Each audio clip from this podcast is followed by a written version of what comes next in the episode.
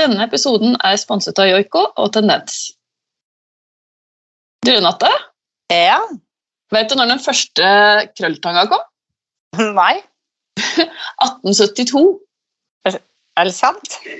ja. Eh, Og det var en fransk frisør, Marcel, som eh, oppfant. Og da brukte de åpen ild eller ovn for å varme den opp. Oi, det, det hørtes veldig bra ut. Ja, ja, skikkelig.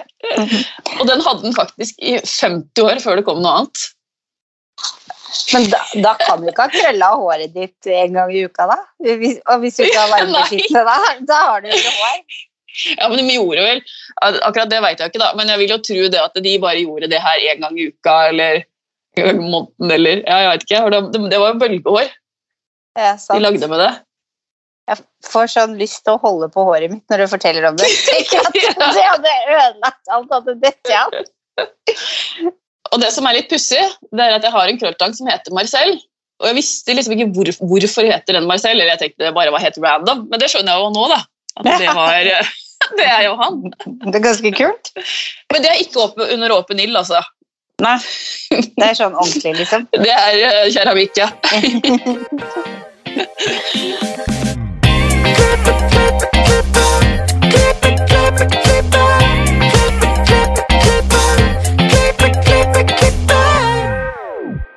Velkommen til Hårpodden. Jeg heter Renate. Jeg heter Ann-Marit. Ja, Marit, hvordan er livet? Hvordan har uka di vært? Eh, Vi har kommet tilbake til normalen, i den forstand at vi kan kalle ting normalt. Men det er jo liksom skole, jobb, barnehage, hverdag. Det er litt godt å komme tilbake til det, for vi har vært veldig mye hjemme i desember. Så ja, den er tipp topp. Mm. Hva med deg? Jo, jeg syns hverdager er hyggelig. Jeg liker, elsker å ha ferie og fri, men hverdager er, det er godt, da. Og jeg har begynt i ny jobb, så jeg var på ny jobb for første gang i går. På Grünerløkka på, på året, og det var kjempedeilig. Å se folk. Det var masse folk på Grünerløkka. Fra tolv så var det folk overalt, så det var litt deilig å se litt pulserende liv igjen. Hvordan var det å Så- begynne på en ny jobb? det, var, det var kjempegøy og, og kjempestressende, for jeg flyr og leter etter ting overalt. Det er, alt er jo nytt. Bare å slå på kassa er jo en utfordring for meg. Det har jeg jo ikke gjort før. På det. Og det var ganske annerledes. Så, ja, men det var, jeg brukte 16 minutter til jobb istedenfor en time. Det var veldig deilig. Og jeg kom tidligere hjem. Men jeg var jo så utslitt at halv ni på kvelden så sa jeg til samboeren min nå klarer jeg ikke mer. Så gikk jeg og la meg.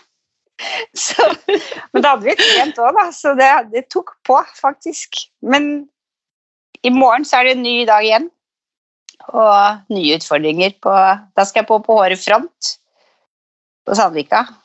Det Mhm. også gleder jeg meg kjempemye til, så jeg er strålende fornøyd. jeg. Ja, spennende. Ja, men du veit jo hvordan det er å begynne ny jobb? Er, jo- Eh, Ja, det er jo sånn bare Du har ikke kontroll på noen ting, så det er jo bare gøy. ja. Du blir slått ut når du kommer hjem. Ja, Ja. kjenner at du lever, ja. Det er morsomt. Ja, men vi har jo med oss en gjest i dag, vi. Mhm. Og dagens gjest hun reiser landet rundt for å lære opp oss frisører, både med kurs, visninger og i Teams.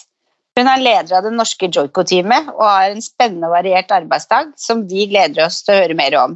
I tillegg er hun en podkastkollega av oss og har podden som heter Fargepodden fra Joico. Velkommen til oss, Hanna Kullgren. Tack! Tack så mycket. Så härligt att få sitta samman och prata med lite podcastkollegor och inte minst frisörkollegor. Väldigt trevligt. Veldig hyggelig at du ville prate med oss også. Men hvordan starta din frisørkarriere? Min frisörkarriär startade i Sverige. Eh, jag började frisörskolan 2007 och på den tiden så var man tvungen att ha väldigt höga karaktärer för att komma in. För det var väldigt, väldigt få platser. Så jag fick faktiskt gå med de som var ett år yngre. Ehm, och sen så... Ehm, eh, jag har liksom alltid haft lust att bli frisör så jag var så fast bestämd på att jag skulle jobba som frisör även om eh, jag vet att jag hade många och långa diskussioner med mina föräldrar att eh, det kanske inte var det bästa valet i förhållande till att det är slitsamt på kroppen, det är långa arbetsdagar och det här, det här känner vi ju till liksom. Men i min värld så är frisöryrket världens bästa yrke. Om man bara i varet har det på riktig måte. Väldigt enig.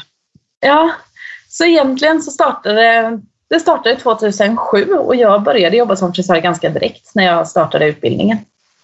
Faktiskt. Eh, och då, då var du i Sverige. Vilken Ja. salong var det du jobbade för? Då jobbade jag på en frisörsalong som var i min hemby som heter Stadskällan. Den finns fortfarande kvar. Så det är goda vänner och eh, ja, jag känner flera som jobbar där fortfarande så jag brukar alltid smita förbi när jag är hemma på besök och sladdra lite grann. Helt klart. Men du er ikke i salong nå i dag? Nej, det är jag inte. Nei. Så hela, hela resan blev ju att jag började som frisör, blev färdig med min fr- frisörutdannelse och på den, på den tiden, det låter som att jag, jag är 200 år gammal, men på den tiden så var det så att eh, jag gick inte i lära utan vi, var, vi fick ta svennebrevet direkt när vi gick ut från skolan. Så jag jobbade varje, alltså på kvällar och helger och när vi hade skolferier så jobbade jag för att bygga upp den erfaringen. Så att en salongejer skulle vilja ansätta mig alltså, på samma nivå då, som någon som har gått 1500 timmar i lära.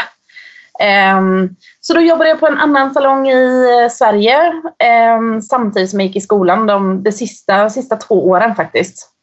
Ehm, och sen så skulle jag flytta till Schweiz. Jag åkte åt helt fel håll och hamnade i Norge. Så hvordan går, var det med bil? Eller var det? jag, jag, jag skulle köra norröver och jag körde, eller jag skulle köra söderöver men jag drog norröver. Nej då. Eh.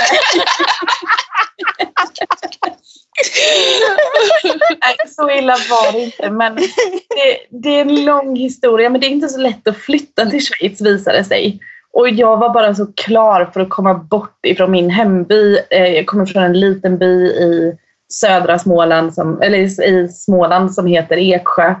Och jag kände att jag ville ha något mer. Jag ville inte ha småstad, jag ville ha en lite större stad. Men jag hade heller inte lust på Stockholm, så det var lite sådär, ja. Så då blev det helt, helt enkelt så blev det Norge.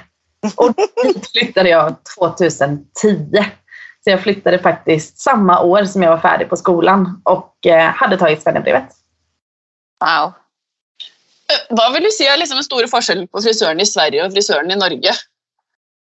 Alltså, eh, frisörerna i Norge är ju bättre. Nej, vad skojar. Eh, jag måste säga så nu bara för att jag lär upp frisörer i Norge. Eh, nej då, men eh, största forskellen, alltså visst man ser rent fag, alltså fagmässigt så är Skandinavien väldigt, väldigt, väldigt kompetenta frisörer. Kunskapsnivån är superhögt. Frisörer ställer- krav till sina leverantörer och kräver en viss kvalitet. Speciellt om man jämför med resten av Europa. Ehm, men när man ser mer, eh, det är vanligare i Sverige att man, är, att man lejer stol. Det har det ju varit sedan jag flyttade därifrån egentligen. Ehm, och det ser man ju kanske nu har blivit vanligare i Norge. Det har tagit ganska lång tid för här är det ju fortfarande vanligare att man är ansatt. I Sverige är det omvänt. I Sverige så är det vanligare att du är eh, självständig helt enkelt. Eh, men sen borstel på en frisörvardag tror jag är lite, det är lite samma sak som er, forskellen på eran vardag. Att, ja, någon jobbar mer med blondiner, någon jobbar mer med brunetter och måten man jobbar på är ju så försäljlig för alla. Men så når du da kom til Norge og så skulle du deg jobb, hvilken salong var det du kontakta? Og hvor begynte du å jobbe? Eh, alltså, jag, jag kontaktade alla salonger. Ja. jag bodde hos min väninna i Gästheim i några dagar och så tog jag tåget in till Oslo. Och så gick jag runt till typ alla salonger jag såg. Eh, och jag fick jättemycket jobberbjudanden. Fick jag. Men jag landade på eh, Adam och Eva. Eh, så jag jobbade faktiskt eh, på Adam och Eva i ett år nästan. eh, och gick deras interna utbildning också. Ehm, men jag hade jobbat i en lite mindre salong och um, jag jobbat på försäljiga salonger också men jag kände att jag ville ha någonting annat och det tar ju tid innan man finner sin plats. Och, herregud, första, första dagarna som frisör i Norge, jag kommer aldrig glömma det. Um, det första jag sa till min kunde var Var har du benen någonstans? och det förstår jag. Benen, of course. Uh, och jag, jag bara, och hon stirrar på mig och jag stirrar på henne och bara, ja, var har du benen? Hon tittar på mig som att jag är helt sjuk i huvudet. Jag bara, jag tänkte, jag, bara, jag bara, men alltså var, varför förstår hon inte? Vad, jag bara, oh, where do you part your hair? sa jag till slut. Och hon bara, oh, ja du menar chillen? Jag bara, chill! Tänkte jag bara, det kommer aldrig gå. Um, nej, så, um, uh, men det, jag har ju jag har utvecklat mina språkkunskaper och eh, efter det, eh, så det har faktiskt blivit, måste jag ändå säga.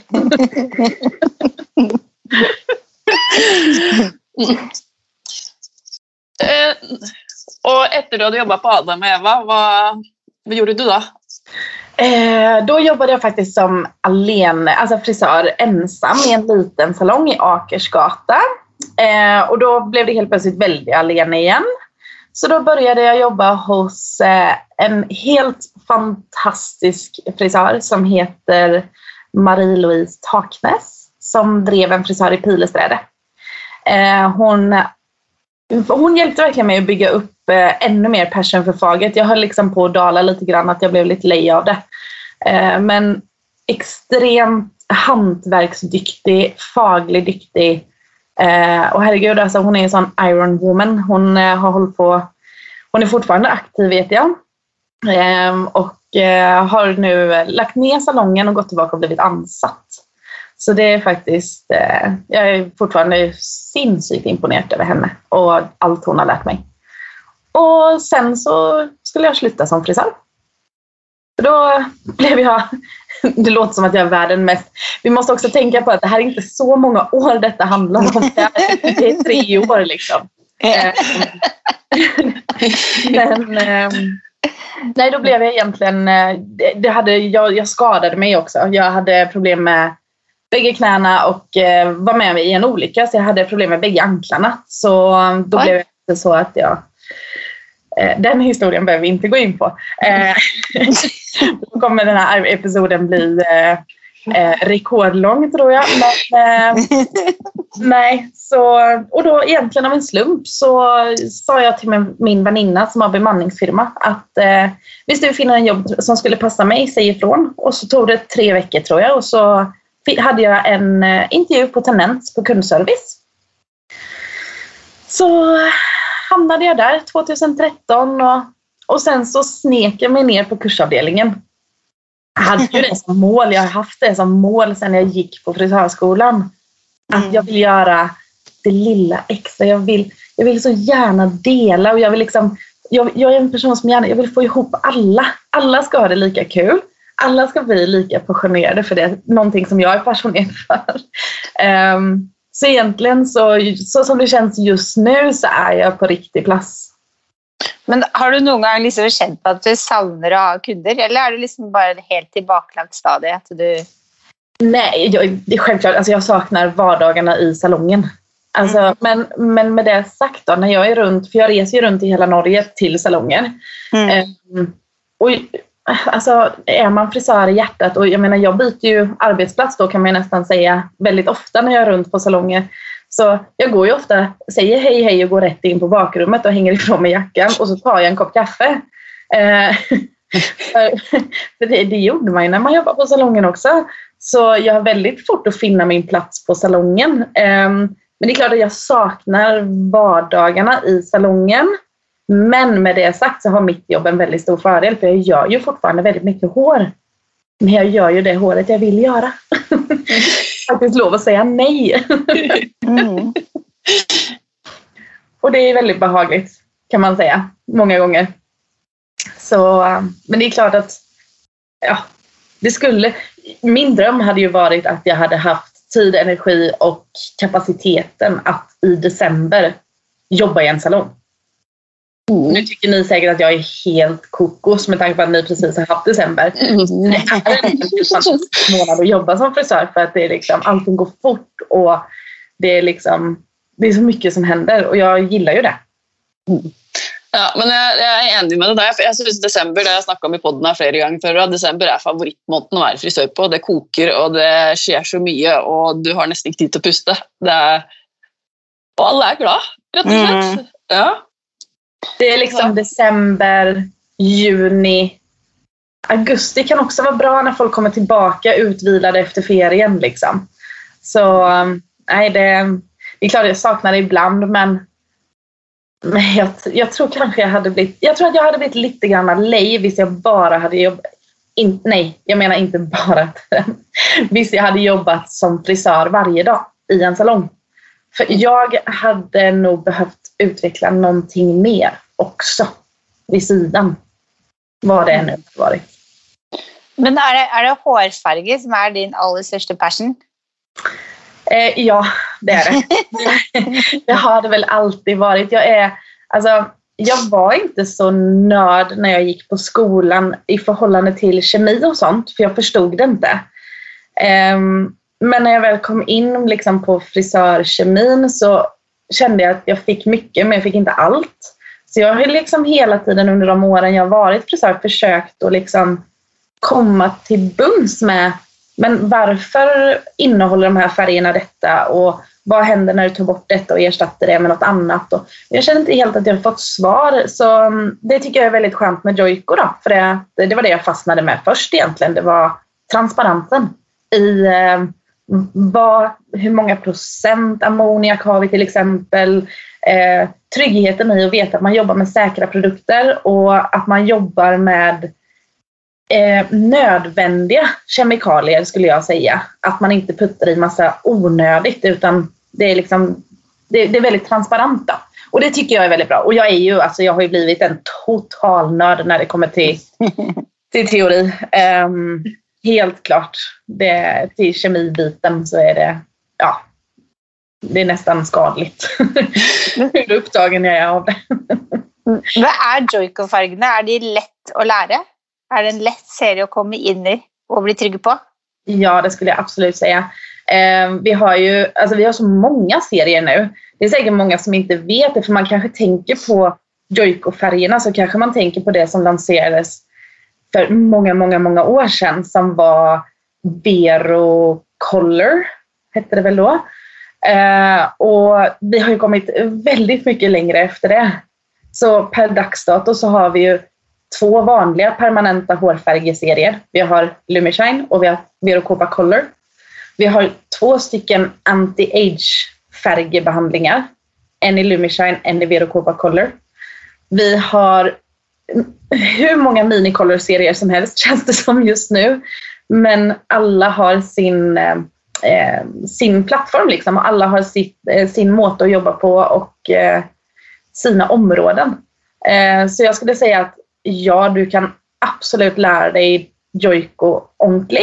Men generellt, oavsett vilket brand du jobbar med, så måste du kunna färgestjärna. Färgestjärna utan och innan och vilken tonehöjde har vilka underliggande pigmenter. Egentligen, skulle jag säga. Mm. Ja, for det, jeg var jo på eh, kurs, fargekurs nå nylig. Og jeg ble ganske overraska hvor mange serier det var, som du sier. Mm. Eh, det kom en etter det, og det er enda en til, ja. Så det er liksom virkelig en farge till allt. Ja, och nu i höst så lanserar vi ju ändå en ny färgserie som är permanent färger som däcker grått hår på 10 minuter. Och som generellt, alltid när det kommer något nytt, det här kan ju alla mina jenter på teamet och mina kollegor och även du Ann-Marit med tanke på att vi har jobbat lite nu sista tiden kan ju intyga att alltså jag är ju, jag är ju jag är en 85-åring i en 31-årings kropp. Alltså jag hatar förändring. Eh, jag är den som sitter med nedöver mun och armarna i kryss fram till att ting är bevisat. Ehm, så det tog, jag har ändå jobbat med de här färgerna, Lumitenda som de heter. Ehm, jag har jobbat med dem sedan april. Ehm, men det tog lång tid innan jag faktiskt kunde säga okej, okay, hands down, jag förstår nu varför vi behöver den här färgserien och den funkar faktiskt. Och så har det varit med allting Joico lanserat sedan jag började jobba med kurs och upplärning. Liksom. Så um, ja, det, men man ska vara lite kritisk tycker jag. Man ska vara lite kritisk för det att annars så man ska ställa de riktiga spörsmålen för annars kommer du aldrig få veta. Men jag måste fråga dig, hur är det möjligt att en färg kan täcka grått hår på tio minuter? Ja. Um, nu ska jag dra den absolut kortaste. Jag ska inte dra Hanna-förklaringen. Eh, för det kan bli lite omständigt. Men hur det är möjligt. Alltså det är, vi har kommit så långt idag. Eh, vi har kommit så långt i... Eh, det har ju skett så otroligt mycket inom frisörprodukter och kemi på hår. Så det är en helt ny teknologi som gör att färgen den flyttar väldigt raskt in i håret kan man säga. Och den gör det på den måten att färgen blir tätt men också att du får, väldigt, du får fram väldigt lite varma pigment i ditt naturliga hår. Eh, och med tanke på att det blir gjort så raskt och med en förhållsvis lav vandstoff, 6,6 procent, så innebär det också att eh, håret får en skånsam infärgning, vilket gör att du får en lång hållbarhet. Var det en OK förklaring? Men är det mer pigmenter i det än en vanlig färg? Ja, det är en högre koncentration av pigmenter. Det är det. Ja. Mm. Det var helt fantastiskt. Ja, det är, det, det är väldigt bra. Och, men just det passar ju så fint till de kunderna som, som inte vill sitta i salongen. Och som, man har väl all, alltså jag vet att jag hade många av dem. Jag jobbade ju nere i Pilesträdet vid sidan av, eh, av eh, Stortinget. Och då är det ju, om man säger så, då var det ju, kommer in på salongen och så säger de det att jag skulle vilja ha en klippt färg och jag ska vara i rätten om en timme och 15 minuter. Och då är man såhär, ja, klippt färg och fön, ja okej. Okay, ja. Eh, hade den kunden sagt det idag så hade jag ju faktiskt kunnat säga att ja, men jag ska absolut göra mitt bästa. Eh, men då var jag tvungen att säga nej men du, det, det, går inte, du måste välja.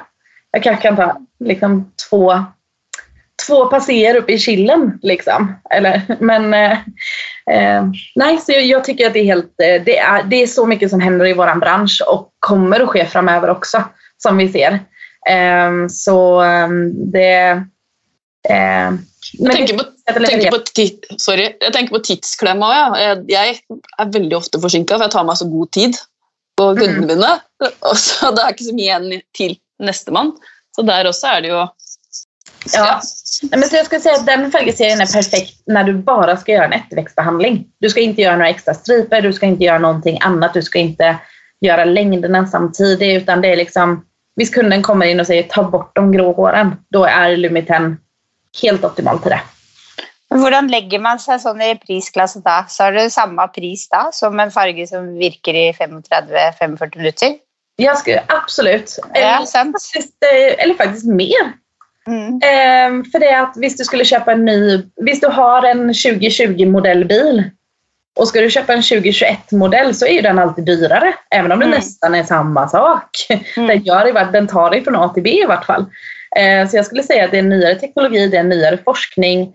Ehm, och, då, och, och kunderna reagerar inte på det heller. Liksom, utan det är, så jag skulle säga ja, samma pris eller mer. Ja. Mm. Och, och hur många färger är det i den serien? 15 eh, nyanser per dagsdato.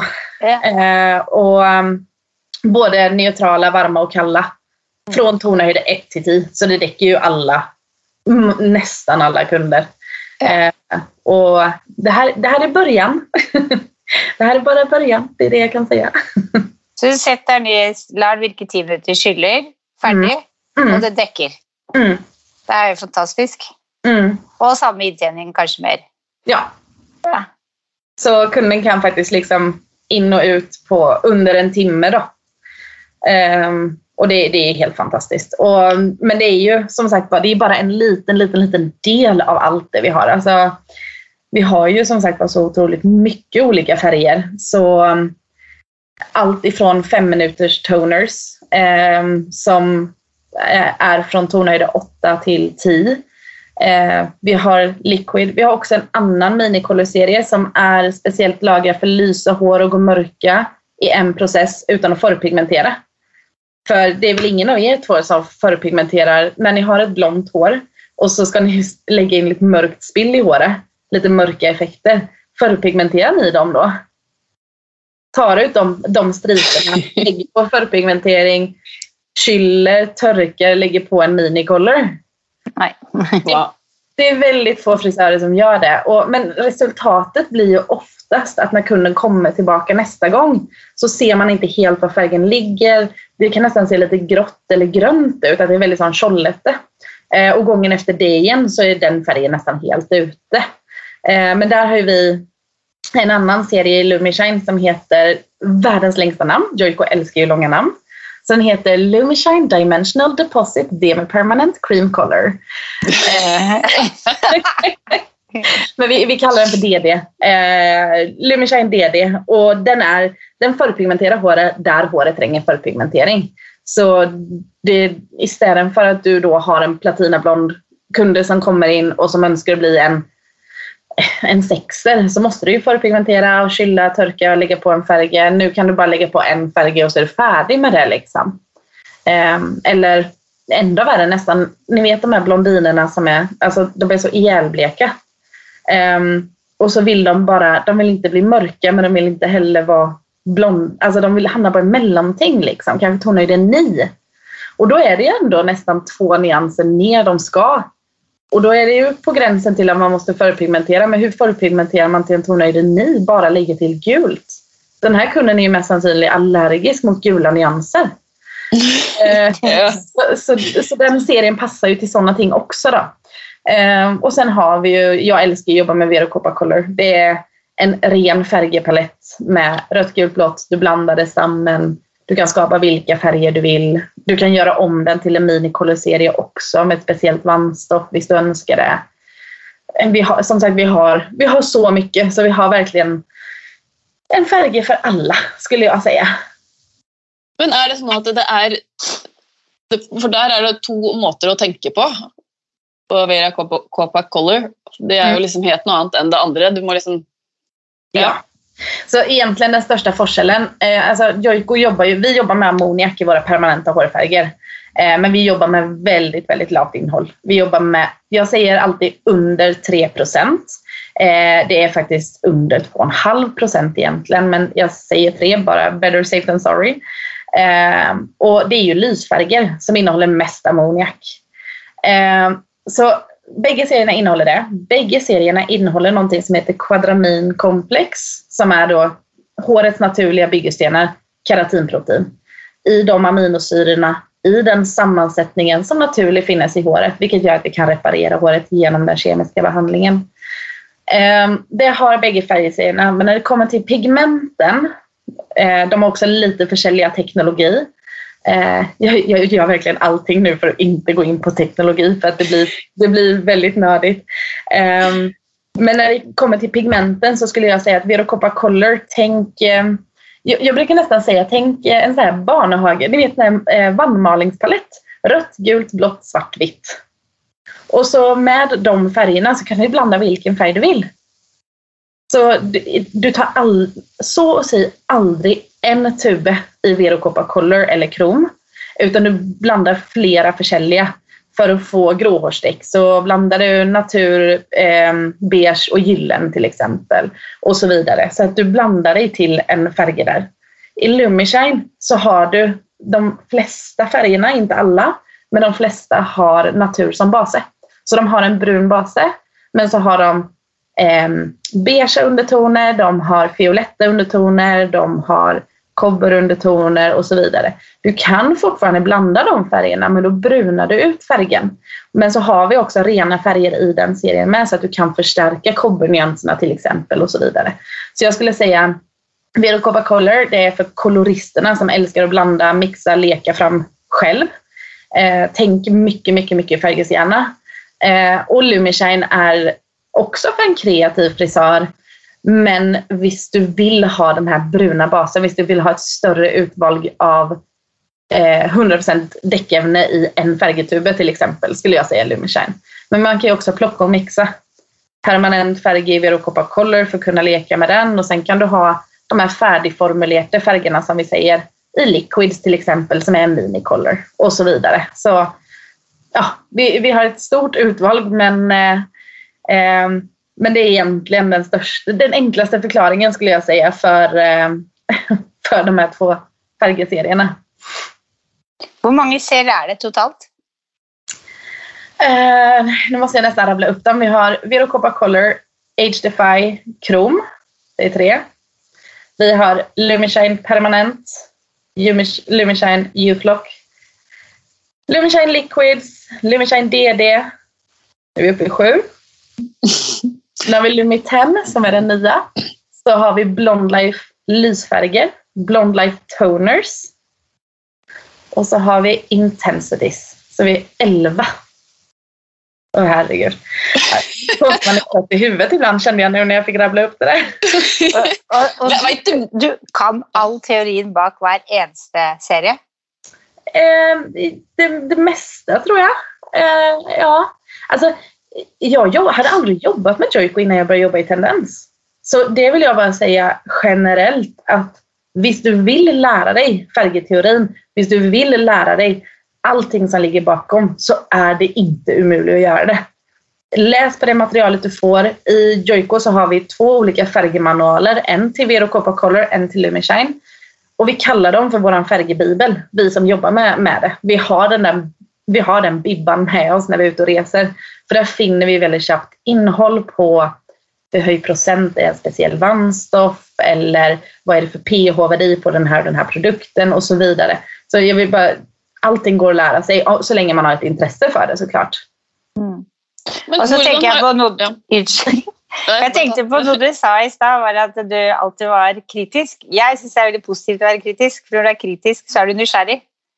Du vill, veta, du vill veta allt om det du blir presenterat, du vill bara inte svälja det. Liksom. Du vill bara undersöka, undersöka, undersöka det. Och det är ju jättebra, för det är ju, intresse är ju alfa och omega. Absolut. Och det är så morsamt. Alltså vi, jag är nere i Nederland på uppläring ibland. Eh, har inte varit där nere nu på en stund men pratar ju med dem väldigt ofta.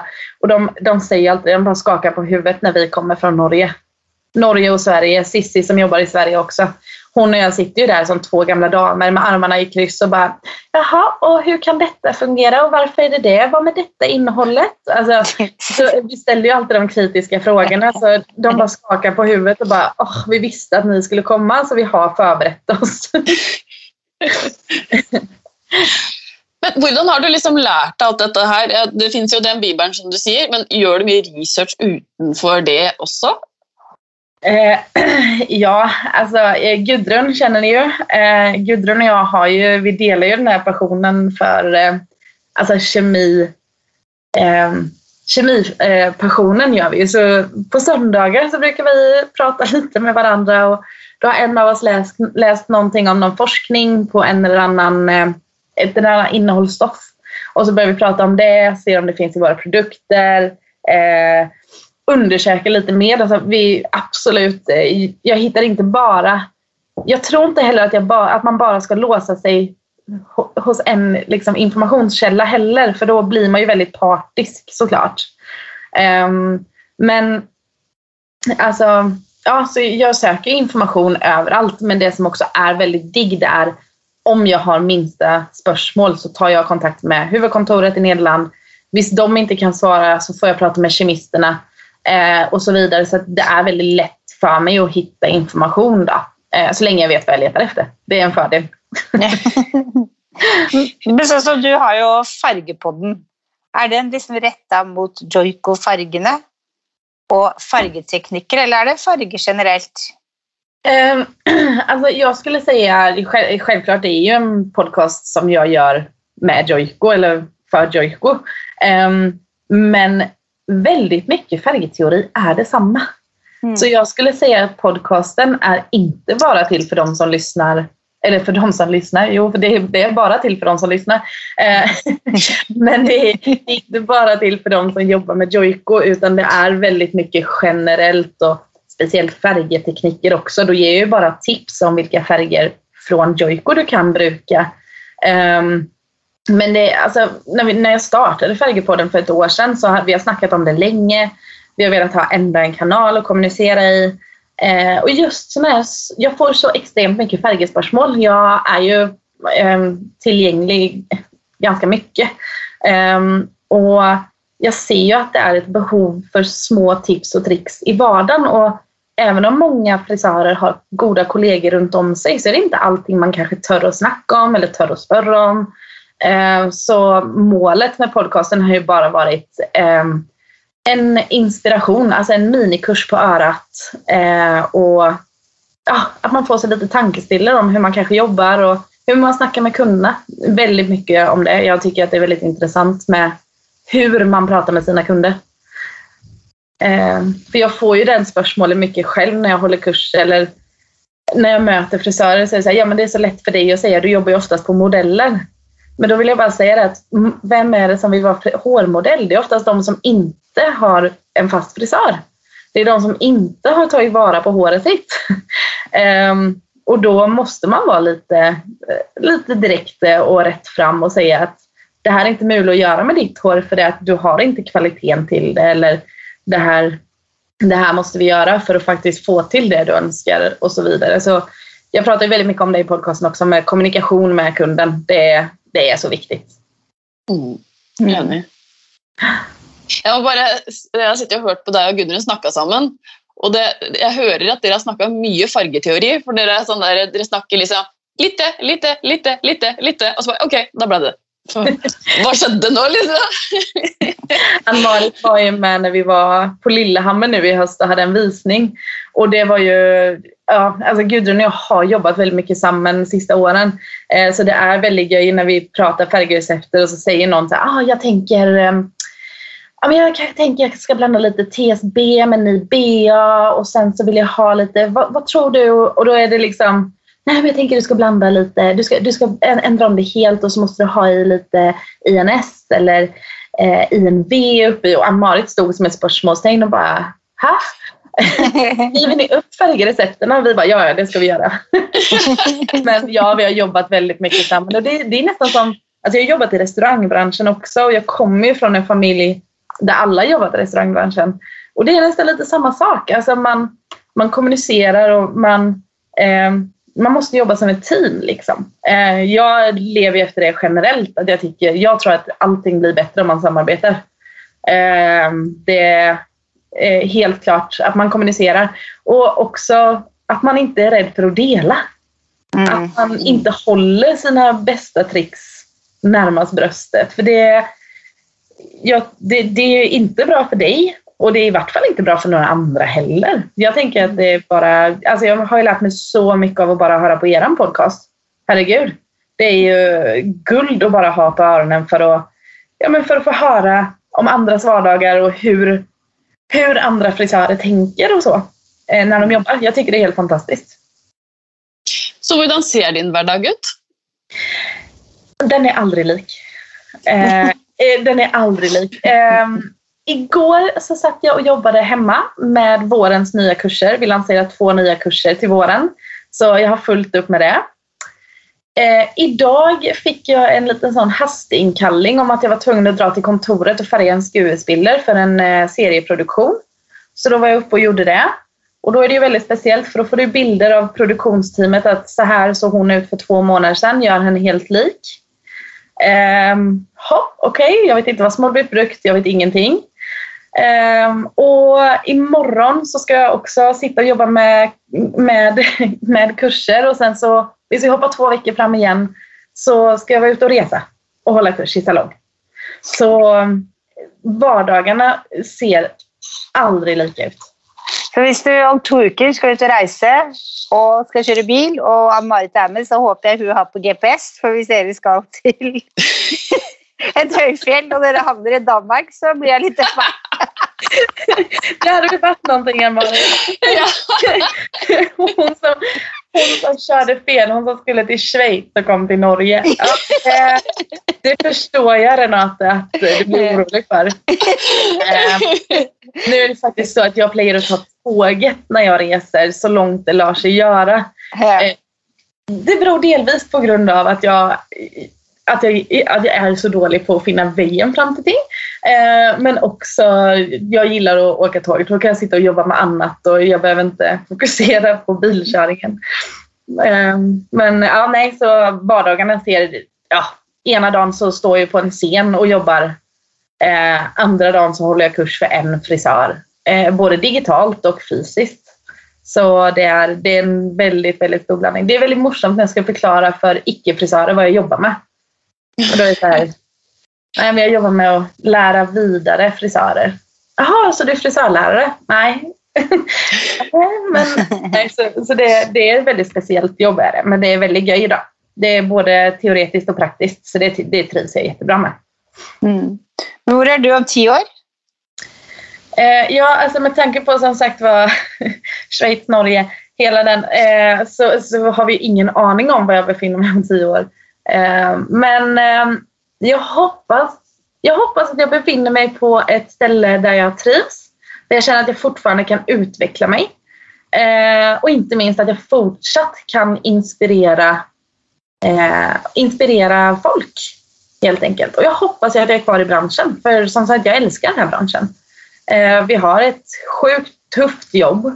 Eh, men vi gör också en jobb som är otroligt viktig. Man kan säga vad man vill om, eh, om liksom att vi jobbar i en ytlig bransch. Men eh, man kan absolut inte säga att våra jobb eh, inte är viktigt, för det är den verkligen. Mm. Vi har några fasta frågor till dig, Anna. Okej, okay. Okay. Ja. Har du några tips till frisörer som vill upp och fram? Eh, ja, det skulle jag nog säga. Jag skulle säga eh, ta kontakt. Eh, och det är ju så mycket lättare idag än vad det var för tio år sedan. Eh, hör av dig, försök att hålla en kontakt med de du ser upp till inom branschen. Eh, speciellt på Instagram eller sociala medier generellt. Eh, Visst du vill vara med på ett team eller eh, någonting i den stilen så skulle jag säga att eh, alltså visa dig. Eh, tagga den leverantören som du vill synas hos. Eh, eller som du vill synas hos och som du har brukt. Då, om man säger så, både i styling och, och i färger när du lägger upp bilder. Eh, och, och var inte rädd. Eh, och svara spörsmål. Eh, visst man aldrig frågar kommer man aldrig få veta. Eh, jag skulle säga det att eh, försök att ta ett litet steg ut och, och törra och spörra helt enkelt. Så om vi rätt och slett vill in i ditt team då, så är det dig och Joiko och Tendens man ska följa och synas och tagga. Precis, Nej, men det är det. Och vi, alltså, så som det är per dags dato så har vi eh, åtta personer, nio stycken med mig. Eh, och det är en härlig blandning av eh, extremt stark eh, kunskap.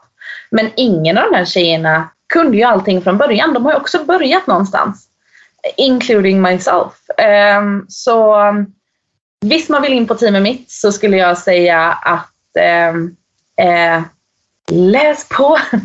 Låter som en lärare. Uh, nej, men, och sen så, alltså vis, visa dig. Um, och som sagt med sociala medier idag så har vi ju så oändliga möjligheter. Det är ju, du kan ju styra sociala medier till att visa vem du själv är och vem du vill vara. Eh, och um, gå på kurs. eh, den dagen man känner att jag har ingenting mer att lära, då tycker jag man ska sluta som frisör. Mm. Eh, min frisörlärare sa alltid det när vi gick på skolan. Hon sa det, kunskap är aldrig tung att bära. Och den dagen den säcken är full, då byter du bransch. Mm. mm. Det var bra sagt. Med lite diffust svar på vem som ska, eh, hur man kommer med i mitt team. Men, det är inte så att vi har någon inkvalificerings... Eh, alltså vi har liksom inte så här, åh nu har vi upptag heller, utan vi ser alltid efter nya personer till vårt team och hur vi ser på dem. Vi har ju säljare runt om i hela Norge som har lite ögonen öppna. Men speciellt sista åren har ju varit sociala medier, alltså att vi ser vad folk lägger upp, vad de gör. Um, och inte minst när vi möter folk på kurs så märker man ju vilken kunskapsnivå de har och inte minst ett intresse. Visst, du ska vara med på mitt team så måste du ha ett intresse för Fage och du måste ha en vilja till att dela. Eh, dela, liksom. Sprida glädje och kunskap och inspiration. Vad inspirerar dig? eh, allt. Alltså jag är, eh, jag är så...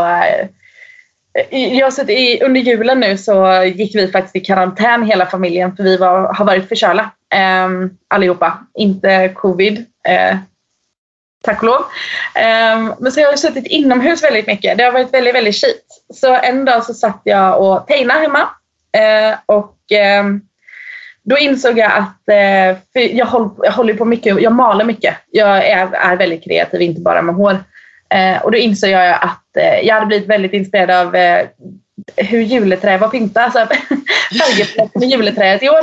Eh, så jag blir, jag blir inspirerad av allting men inte minst det som inspirerar mig mest är att möta kreativa människor eh, och brainstorma samman.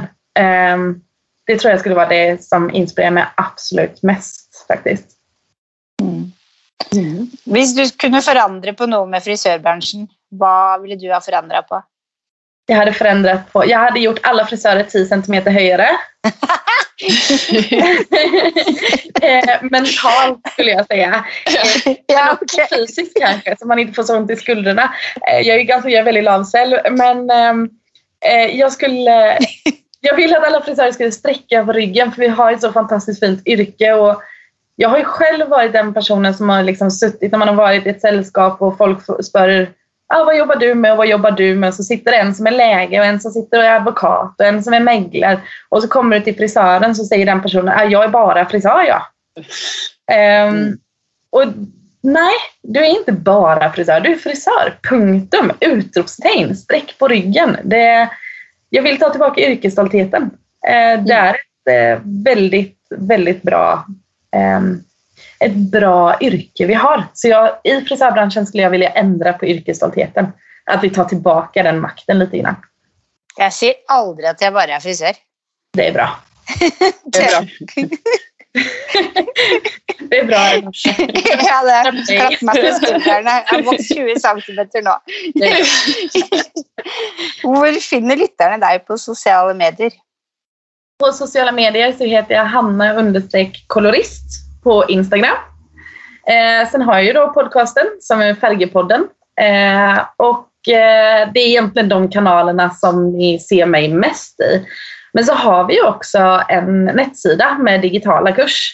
Och det är eh, Tendens Academy. Så visst du googlar Tendens Academy så får du upp hela vår digitala akademi. Och där finner du kurser både i färger, färgtekniker, permanent. Eh, vi har också KMS-kurser. Vi har ju KMS under Tendenshuset också. Eh, så där får ni se mig. Men då är det ju one way communication där. Men eh, sen är det bara att ta kontakt eh, via Instagram oftast. Skulle jag säga är bäst. Ja. Tusen, tusen takk for at du kom og var gjest, Hanna. Tack så mycket för att jag fick komma. Det var väldigt trevligt. Jag hoppas att vi ses eh, face to face nästa gång. Mhm. Enig, veldig enig. Og gi oss gjerne stjerner på iTunes, og følg oss på Harpodden på Instagram og Hårpodden på Facebook. Og så vil jeg absolutt oppfordre alle lytterne til å høre på Fargepodden. Gå inn og sjekk det ut. Og så høres vi neste uke. Ha det bra.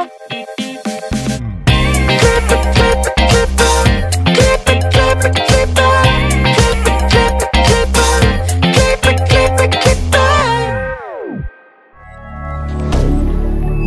media. Har du et enkeltpersonforetak eller en liten bedrift? Da er du sikkert lei av å høre meg snakke om hvor enkelt det er med kvitteringer og bilag i fiken, så vi ger gir oss her, vi. Fordi vi liker enkelt. Fiken superenkelt regnskap.